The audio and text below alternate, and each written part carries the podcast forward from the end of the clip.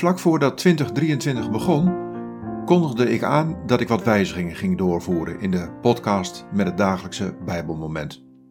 Eén daarvan was dat ik koos voor een nieuw muziekje dat nu gedurende het hele Bijbelmoment zachtjes op de achtergrond hoorbaar zou zijn.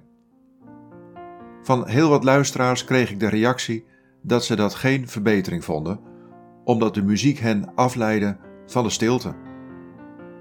Daarom komt de stilte terug vanaf zondag 8 januari, na de voorlezing van de tekst, na de korte overdenking en na de gebedszin is het dus weer even helemaal stil.